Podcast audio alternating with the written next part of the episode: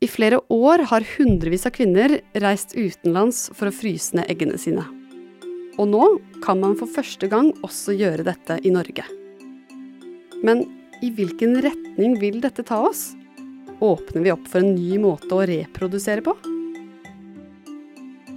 Du hører på Forklart fra Aftenposten. Jeg heter Ina Swann, og i dag er det torsdag 20. mai.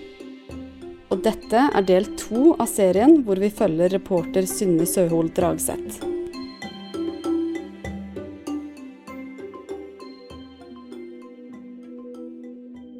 Sånn. Knips, knips, knips, knips. 35 år gamle Helene Svabø står på badet sitt og setter sin aller første hormonsprøyte. Ok, jeg tror jeg setter den her. Det svir litt, det går bra. Da hun flyttet ut fra kjæresten i fjor, flyttet hun samtidig litt lenger unna et potensielt familieliv med barn. Derfor har hun bestemt seg for å fryse ned egg. Okay, sånn. Det var første sprøyte satt. Og med det farer hormonene gjennom kroppen til Helene.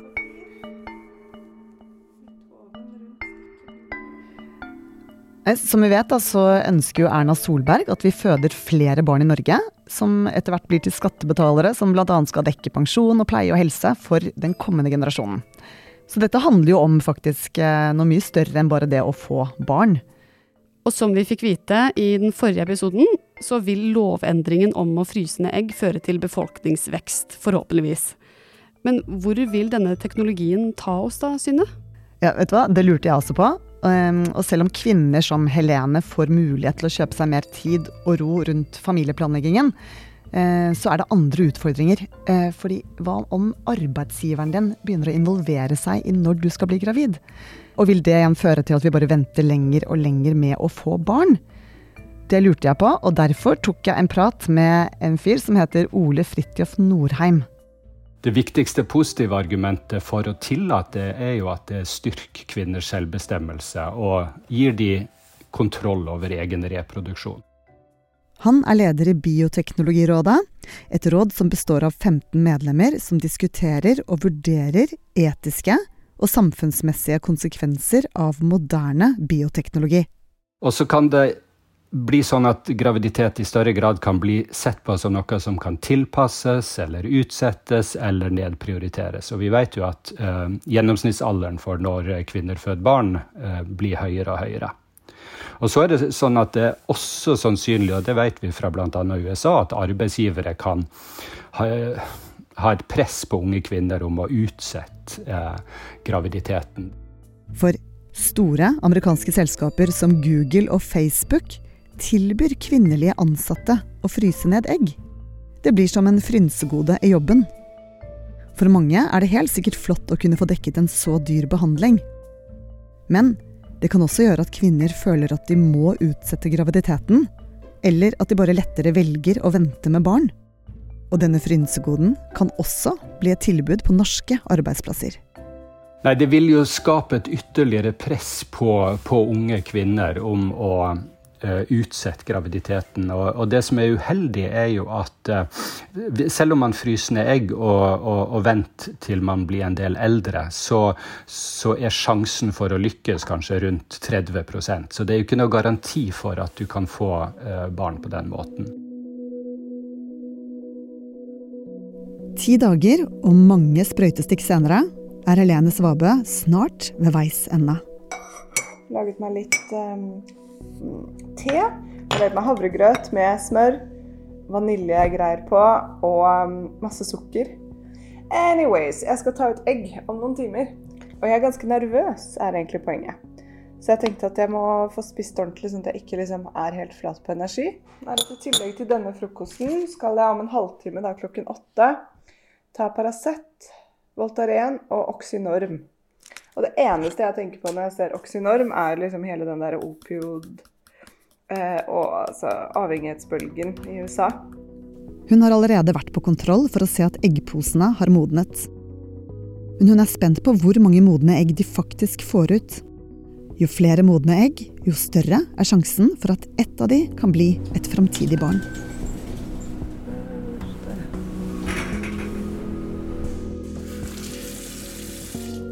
Da er jeg inne på klinikken. Jeg har fått et eget lite rom her. På klinikken blir Helene ført inn i et stort rom som ligner på en operasjonssal på et sykehus.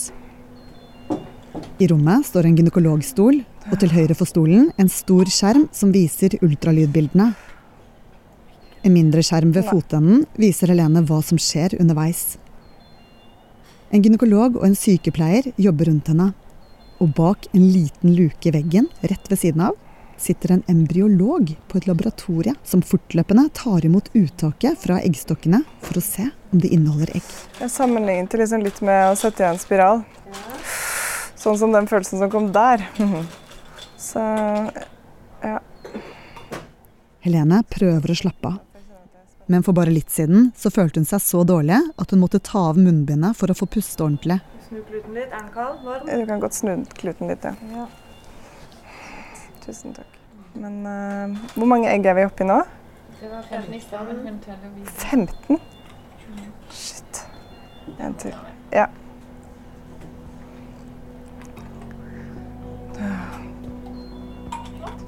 Da er vi ferdige. Deilig. Tusen takk. Helene er ganske utmattet og blir ført over til et annet rom for å hvile. Okay, går bra. Det går greit.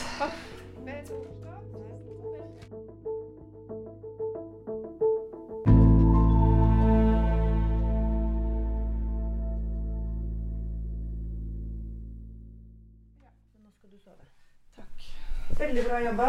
Tusen takk. Lykke til videre. Altså nå ligger eggene til Helene på et ishotell klare til bruk helt til hun fyller 46 år. For der går aldersgrensen.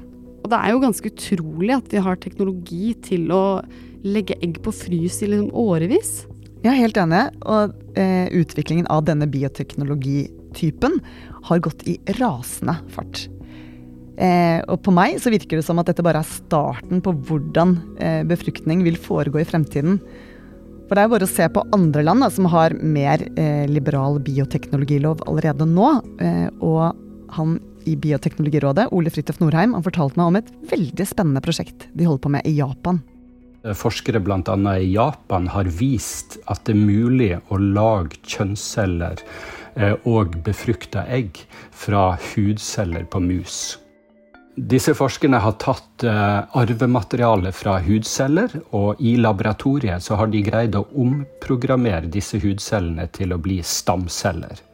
Og så ved videre omprogrammering så har de laga uh, disse stamcellene om til eggceller og til sædceller. Og så har de greid å befrukte et egg. Og så har de faktisk greid å sette inn dette egget i mus, og de har født barn. Og fremtidsutsiktene med dette, hvis, og det tror jeg kan være langt frem, men teknologien går fort, at dette kan være mulig for mennesker også. Det, det fascinerende med det er jo at hvis det er mulig å lage befrukta egg på denne måten, og det å lage eh, egg og sædceller på den måten, så vil den knappheten vi ser på donoregg f.eks., ikke være lenger. Så det kan revolusjonere alt omkring eh, assistert befruktning og gi uante muligheter for de, de som ikke kan, kan, få barn nå på, på, naturlig vis. Men man kan tenke seg at f.eks. Eh, to lesbiske kvinner hvis, hvis, de skulle trenge det, at man kunne lage en eggcelle og en sædcelle, og at man da kunne få arvemateriale fra begge to. Og det kan man jo ikke i dag. Å lage mennesker fra hudceller Altså, det høres jo ut som en science fiction-film. Ja, jeg vet det. Men samtidig som det gir uante muligheter, eh, så byr det også på store etiske utfordringer. Ja. Hvilke utfordringer da? Nei, altså I dag så, så er et befruktet egg beskyttet helt fra det er smeltet sammen av egg og sædcelle. Og det er lov til å forske på et befruktet egg de første 14 dagene etter befruktningen, eh, men så må egget ødelegges. Og det er ikke lov å bruke et befruktet egg som er forsket på i assistert befruktning. Men skal f.eks. et befruktet egg fra hudceller få samme rettigheter som et vanlig egg? Og for det andre, hvordan vil et inngrep på kjønnsceller påvirke et menneske? og dette er noe som eh, Bioteknologirådet sitter og diskuterer.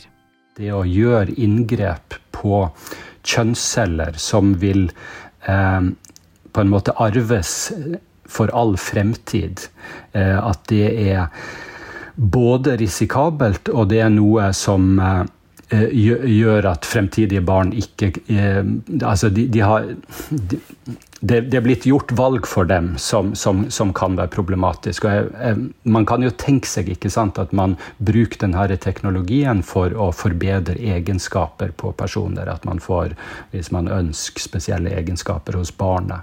Eh, og det, det, vil kunne føre til en, en, en utvikling som gjør at vi får mindre akseptert aksept for at folk er annerledes. Det kan føre til ulikhet, slik at det er noen som på en måte får veldig gunstige gener, eh, mens andre ikke får det. Så det mange av de tradisjonelle diskusjonene omkring dette med å forbedre mennesket vil, eh, vil kunne bli mulig med denne teknologien, og mange av de argumentene må man da grundig diskutere. Hvis dette blir mulig, tror du det kommer til å bli tillatt i fremtiden?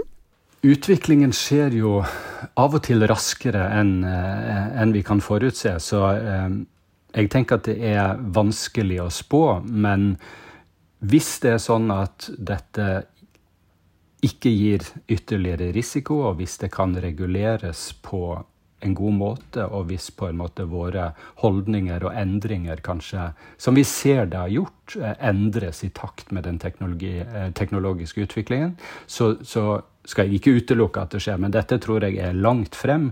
Og jeg tror vår rolle i Bioteknologirådet er å utforske og tenke grundig gjennom alle innvendinger, både de vi på en måte har intuitivt når vi hører om denne type ny teknologi, og helt reelt hvordan dette kan være uheldig for noen og kanskje være positivt for andre. Men det må jo være bra for samfunnet at vi enda lettere kan lage barn?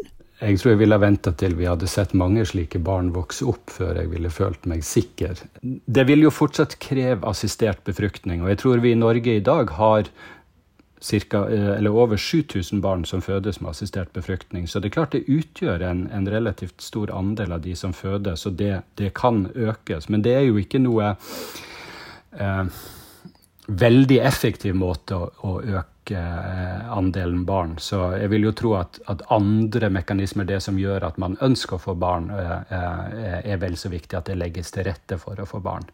Eh, og når det er sagt, vi, vi trenger barn i Norge, men i mange andre land så er det jo motsatt. Så vi ser jo også at en del land har betydelig overbefolkning. Og det har betydning for klima og bærekraft og utvikling ellers. Ok, så verken egg på frys eller kunstige kjønnsceller vil egentlig gi noen særlig befolkningsvekst, da. Nei, det, det gjør jo ikke det, da. Men, eh, men, det det gjør, er at det gir kvinner som Helene en mulighet eh, til å få mer kontroll rundt planlegging av egen graviditet.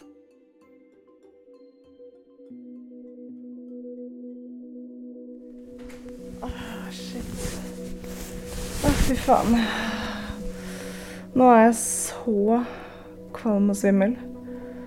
Etter uttaket blir Helene flyttet over på et annet rom hvor hun skal hvile. Åh, shit, ass. Fy faen, gjør det vondt. Au. Å, nå gjør det så jævlig vondt. Og så er det på tide å dra hjem. Utenfor venter moren hennes i bil.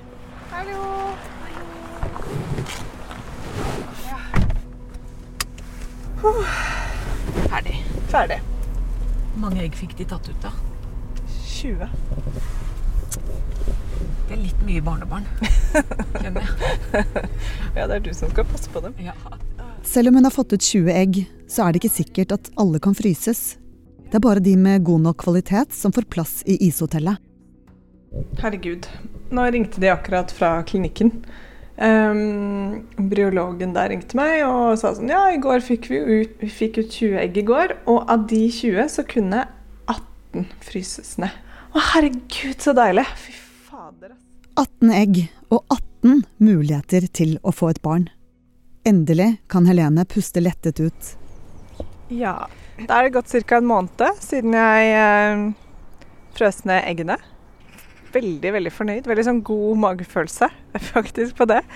Og nå føler jeg liksom sirkelen har sluttet litt, for nå har jeg vært akkurat hos gynekologen og fått satt inn en spiral. For det er jo ikke sånn at bare fordi jeg nå har frosset ned disse eggene, så er det sånn at jeg bare skal at, at, jeg, at jeg liksom brenner etter å få barn nå. Det her handler jo om å ha den muligheten en eller annen gang i framtiden hvis jeg treffer en partner jeg har lyst til å få barn med, eller hvis jeg har lyst til å få barn alene en eller annen gang. Men uh, nå står jeg, sola skinner, det er vår ute. Jeg har satt inn en spiral, vaksine er på vei. Klar for å hongle på afterski, er det ikke det man sier?